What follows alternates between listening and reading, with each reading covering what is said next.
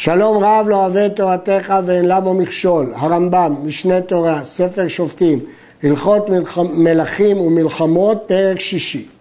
אין עושים מלחמה עם אדם בעולם עד שקוראים לו לשלום. אחד מלחמת הרשות ואחד מלחמת המצווה, שנאמר כי תקרא ולעיר להילחם עליה וקראת אליה לשלום. דעת הרמב"ם שחובת הקריאה לשלום היא בכל מלחמה עם כל אדם, בין במלחמת הרשות, בין במלחמת המצווה. בספרי אמרו על פסוק כי תקרא ולעיר, במלחמת הרשות הכתוב מדבר. ורש"י מזה למד שהדין הזה הוא רק במלחמת הרשות.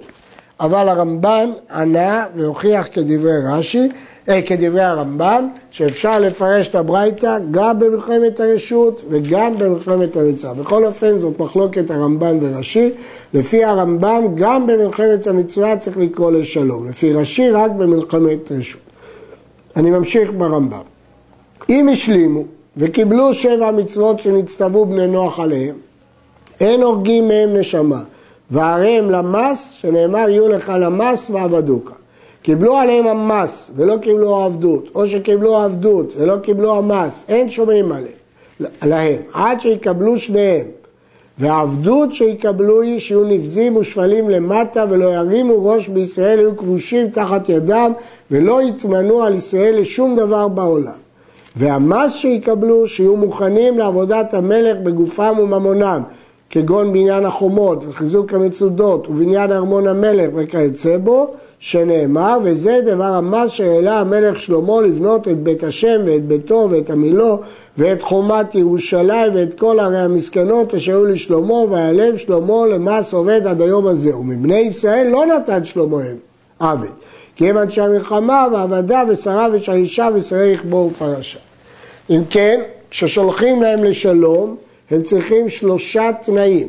א', להשלים ולהיות למס להשלים ולהיות מוכנים לקבל עבדות, והשלישית, שהם יקבלו עליהם שבע מצוות בני נוח. הרעב"ד חולק ואומר שאין צורך שיקבלו עליהם שבע מצוות בני נוח. די שיקבלו עליהם את המס והעבדות, זה מספיק. שבע מצוות זה כדי להתיר להם לגור בארץ, אבל לא בשביל להשלים עמם. אבל דעת הרמב"ם שהם חייבים לקבל שבע מצוות בני נוח גם כדי להשלים איתם. ויש למלך להתנות עמהם שייקח חצי ממונם, או הקרקעות ויניח כל המטלטלים, או כל המטלטלים ויניח הקרקעות, כפי מה שיתנו. הרמב"ם אומר שהמס זה דבר שידוע בכל שנה, אבל נוסף לזה יכול לקחת חצי מרכושם כפי שיתנו. ואסור לשקר בבריתם ולכזב להם אחר שהשלימו וקיבלו שבע מצוות. את זה הרמב"ם לומד מפרשת הגבעונים, שהיה חילול השם כששיקרו להם ולא קיימו להם את הברית. ואם לא השלימו, או שהשלימו ולא קיבלו שבע מצוות, הם לא הסכימו לשלושת התנאים. עושים עמהם מלחמה והורגים כל הזכרים הגדולים ובוזזים כל ממונם וטפם ואין הורגים אישה ולא קטן, שנאמר והאנשים והטף, זה טף של הזכרים. במה דברים אמורים? במלחמת הרשות, שעם שאר האומות, אבל שבעה עממים ועמלק שלא השלימו, אין מניחים מהם נשמה, שנאמר כן תעשה לכל הערים, רק מערי העמים לא תחיה כל נשמה. וכן הוא אומר בעמלק, תמחה את זכר עמלק. ומניין שאינו מדבר אלא באלו שלא השלימו, שנאמר לו הייתה העיר אשר השלימה את בני ישראל ביתי אחיבי יושבי גבעון. את הכל לקחו במלחמה, כי מאת השם הייתה לחזק את ליבם לקראת המלחמה את ישראל למען החרימם. מזה שהתנ"ך מדגיש שלא הייתה עיר אשר השלימה, בכלל ששלחו להם לשלום ולא קיבלו. אם כן הרמב"ם מוכיח הוכחה ברורה שגם שבעה עממים יכולים להשלים. הרעב"ד חולק ואומר שהם לא יכולים להשלים אלא הם קיבלו עליהם שבע מצוות. הרמב"ם, הרעב"ד לשיטתו שמספיק כדי להשלים להיות למס אל העבדים, אבל בשבעת עממים צריכים גם לקבל שבע מצוות. אבל לפי הרמב"ם, כל מי שמשלים צריך לקבל שבע מצוות. ואז גם שבעת עממים יכולים להשלים. שלושה כתבים שלח יהושע עד שלא נכנס לארץ. הראשון שלח להם, מי שרוצה לברוח, יברח. חזר ושלח. מי שרוצה להשלים, ישלים. וחזר ושלח. מי שרוצה לעשות מלחמה, יעשה. זה מקורו בירושלמי במסכת שביעית, שהוא שלח שלוש פרסטיגאיות לארץ ישראל. הרב עד אומר, כל זה שיבוש שלא שלח יהושע להשלים אלא עד שלא עברו את הירדן. כשעברו את הירדן, אין מקבלים אותו. שואל הרמב"ם, אם הוא הציע להם לברוח או להשלים, אם כן מפני מה הרימו יושבי גבעון? למה היו צריכים להתחפש? להגיד שהם מעיר רחוקה, היו צריכים להגיד שהם גבעונים והם רוצים להשלים. לפי ששלח להם בכלל ולא קיבלו, הם לא הסכימו. לא ידעו משפט ישראל ודימו שאין פותחים להם בשלום. הוא שלח לכלל והם לא קיבלו את השליחות הזאת והם חשבו שזה לא עליהם כי לא פותחים עליהם בשלום. אז לכן הערימו. ולמה קשה, קשה היה הדבר לנשיאים וראו שראוי להכותם לפי חרב לולא השבועה? מפני שכרתו להם ברית והרי הוא אומר לא תכרות להם ברית, לא היה צריך לכרות איתם ברית, אלא היה דינם שיהיו למס עבדים, אבל בגלל שהם הערימו כרתו להם ברית, והואילו בטעות נשברו להם, בדינה שיהרגום, עד שיטעום, לא לחילול השם. אז נסביר. למרות שהם משבעת העמימים שלחו להם שישלימו, אבל הם לא ראו את האיגרת הזאת, לא חשבו שהם בכלל, ולא ידעו את ההלכה הזאת, ולכן הם חשבו שיהרגו אותם והם הערימו. כיוון שהם הערימו, כרתו להם ברית. אלה ידעו שהם משבעת עממים, לא היו כורתים להם ברית. אבל הברית הזאת נכרתה בטעות, אז היה ראוי להרוג אותם על הטעות. אבל פני חילול השם לא הרגו אותם. עמון ומואב, אין שולחים להם לשלום, שנאמר לא תדרוש שלומם וטובתם. מפורש בתורה שאסור לשלוח לשלום לעמון ומואב. כתוב לא תדרוש שלומם וטובתם. אמרו חכמים, כפי שנאמר וקראת אליה לשלום, יכול עמון ומואב כן, תלמוד לומר לא תדרוש שלומם. לפי שנאמר עמך ישב בקרבך בטוב, לא יכול עמון ומואב כן, תלמוד לומר וטובתם. אף על פי שאין שואלים בשלומם, אם השלימו מעצמם תחילה, מקבלים אותם. זה חידוש של הרמב"ם. הרמב"ם אומר, מה שדרשו חכמים, לא לדרוש בשלומם, כלומר, אין דין לשלוח להם כפי ששולחים לכולם. אבל אם הם באו מעצמם והציעו מעצמם להשלים, מאפשרים להם. כל מה שהתורה אסרה, לא תדרוש שלומם וטובתם. אבל אם הם באו מעצמם, מותר.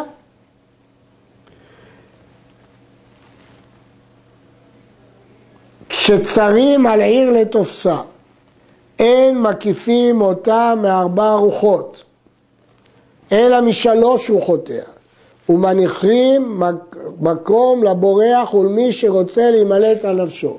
שנאמר ויצבעו על מדיין כאשר ציווה השם את משה מפי השמועה למדו שבכך ציווהו להשאיר רוח אחת פתוחה כדי שיוכלו לברוח. רמב"ן כתב בהוספות לספר המצוות, נלמוד להתנהג עם אויבינו בחמלה אפילו בעת המלחמה. ועוד תיקון, שנפתח להם פתח שיברחו ולא יתחזקו לקראתנו. זה גם לטובתנו שהם יוכלו לברוח. אין קוצצין אילני מאכל שחוץ למדינה. ואין מונעים מהם אמת המים כדי שיבשו, שנאמר לו תשחית את עצה, וכל הקוצץ לוקה, ולא במצור בלבד, אלא בכל מקום. הגמרא אומרת במסכת בבא קמא שאסור לקצוץ דקל שטוען כמות מסוימת של פירות, ושם זה לא היה במצור. משמע שאפילו בלי מצור אסור לקצוץ. כל הקוצץ אילן באכל דרך השחתה לוקה, אבל קוצצים אותו אם היה מזיק לאילנות אחרים. אם זה היה מזיק לאילנות אחרים, מותר לקצוץ אותו, כי זה לא דרך השחתה, או מפני שמזיק בשדה אחר, או מפני שדמיו יקרים. העץ שווה יותר מהפירות. לא אסרה תורה, אלא דרך השחתה. כל העיסוק של התורה זה דרך השחתה, ולכן אם האילן, העץ שלו שווה יותר מהפירות שלו, מותר לקצוץ אותו. כתוב בגמרא, אם היה מעולה בדמים, מותר. יש שאומרים שעל פי הסוד מקפידים בזה יותר. כל אילן סרק מותר לקוץ אותו, ואפילו אינו צריך לו, כי הוא לא עושה פירות. וכן אילן מאכל שהזקין ואינו עושה אלא דבר מועט שאינו ראוי לטרוח בו, מותר לקוצו. כמה יהיה הזית עושה ולא יקוצנו, רוב העקב זיתים, ודקל שהוא עושה קו תמרים לא יקוצנו. ולא האילנות בלבד, אלא כל המשבר כלים וקורע בגדים והורס בניין וסותם מעיין ומאבד מאכלות דרך השחתה עובר בלא תשחית ואינו לוקה אלא מכת מרדות בדבריהם. בקוצץ אילן דרך השחתה לוקה אבל בשאר דברים, לא אילנות, אלא כלים ובגדים וכדומה, עובר על לא תשחית, אבל יש לו רק מכת מרדות ולא לאו, כי הלאו המפורש בתורה זה על העץ מאכל, ולכן הוא לא לוקה. יש גמרא שכתוב אמר רבי אלעזר שמעתי שהמקרע על המת יותר מדי לוקה משום בל תשחית אז צריך לתרץ שמה שכתוב שם לוקה זה לא ממש מלקות אלא מכת מרדות. שוב נאמר על כריתת עץ לוקים, עץ מאכל, כי כתוב לא תשחית את עצה, לא תכרות דרך השחתה, אבל על שאר בל תשחית, למרות שזה כלול בלאו, מקבלים מכת מרדות ולא לוקים. צרים על עיירות הגויים בשבת, ועושים עמהם מלחמה בשבת, שנאמר עד רידתה, ואפילו בשבת, בין מלחמת מצווה, בין מלחמת הרשות. אם כן, אה, הגמרא במסכת שבת אומרת, אין צרים על עיירות של גויים פחות משלושה ימים קודם השבת, ואם התחילו אין מפסיקים. וכן היה שמאי אומר, עד ריתה אפילו בשבת. וכך הרמב"ם כתב בסוף, בסוף, בסוף פרק ב' מהלכות שבת, צרים על העיירות של גויים שלושה ימים קודם לשבת ועושים בהם מלחמה בכל יום ואפילו בשבת. כך הלשון של הרמב"ם. עד ריתה אפילו בשבת, בין במלחמת מצווה, בין במלחמת הרשות. לפי זה יש אומרים שזאת כוונת הרמב"ם, שהתחילו ולא מפסיקים וממשיכים בשבת. יש שדייקו מהרמב"ם הזה, שבמלחמה הדין בשבת הוא לא מדין פיקוח נפש רגיל, זה יותר מיוחד של מלחמה בשבת. כשחונים, חונים בכל מקום. כשחונים למלחמה, אפילו בשדות של אנשים. ומי שנהרג במלחמה, במקום שיפול, שם ייקבר. קונה מקומו כמת מצווה, למרות שזה שדה ששייכת לאדם. וארבעה דברים פטרו במחנה. אוכלים הדמאי, פטרו אותם מלהפריש דמאי. ופטורים מרחיצת ידיים בתחילה, נטילת ידיים של מים ראשונים, פטורים. ומביאים כל מיני עצים מכל מקום, אפילו מצאו תלושים ויבשים, שזה יש לזה ערך להסקה, אין מקפידים על כך במחנה, מביאים מכל מקום. וכן פטורים מלערב עירובי חצרות במחנה, אלא מטלטלים מאוהל לאוהל ומסוכה לסוכה, והוא שיקיפו כל המחנה מחיצה גבוהה עשרה טפחים, כדי שתהיה רשות יחיד כמו שנתבהר בהלכות שבת. לא התירו לטלטל מרשות היחיד לרשות הרבים, אבל מחצר לחצר לא הצריכו עירובי חצרות. ואין מחנה פחותה מעשרה. וכשם שפטורים מכל אלה בהליכתם, כך פטורים בחזירתם. כתוב, כל היוצאים להציל חוזרים למקומם. אומרת הגמרא, חוזרים בכלי זין למקומם, כדי שלא תכשיל אותם לעתיד לבוא. ואסור להיפנות בתוך המחנה או על פני השדה, בכל מקום, אלא מצוות עשה לתקן דרך שם מיוחדת להיפנות בה, שנאמר ויד תהיה לך מחוץ למחנה. מפורש בתורה שצריך מקום מיוחד להתקין כדי להיפנות. וכן מצוות עשה להיות יתד לכל אחד ואחת תלויה עם כלי מלחמתו. יצא, יצא באותה הדרך ויחפור בה ויפנה, ויפנה ויכסה. שאמר ויתד תהיה לך על הזנך, ובין שיש עמהם ארון, בין שאין עמהם כך הם עושים תמיד, שאמר והיה מחנך קדוש. כלומר, לא נפרש שהצורך בזה הוא רק בגלל ארון הקודש שהולך בקרב המחנה, אלא אפילו בלי ארון והיה מחנך קדוש. למרות שיש מפרשים כמו הרשב"ם והיראים, כי השם אלוהיך מתהלך בקרב מחניך, זה הארון. לפי הרמב"ם, גם בלי הארון יש קדושת המחנה. עד כאן.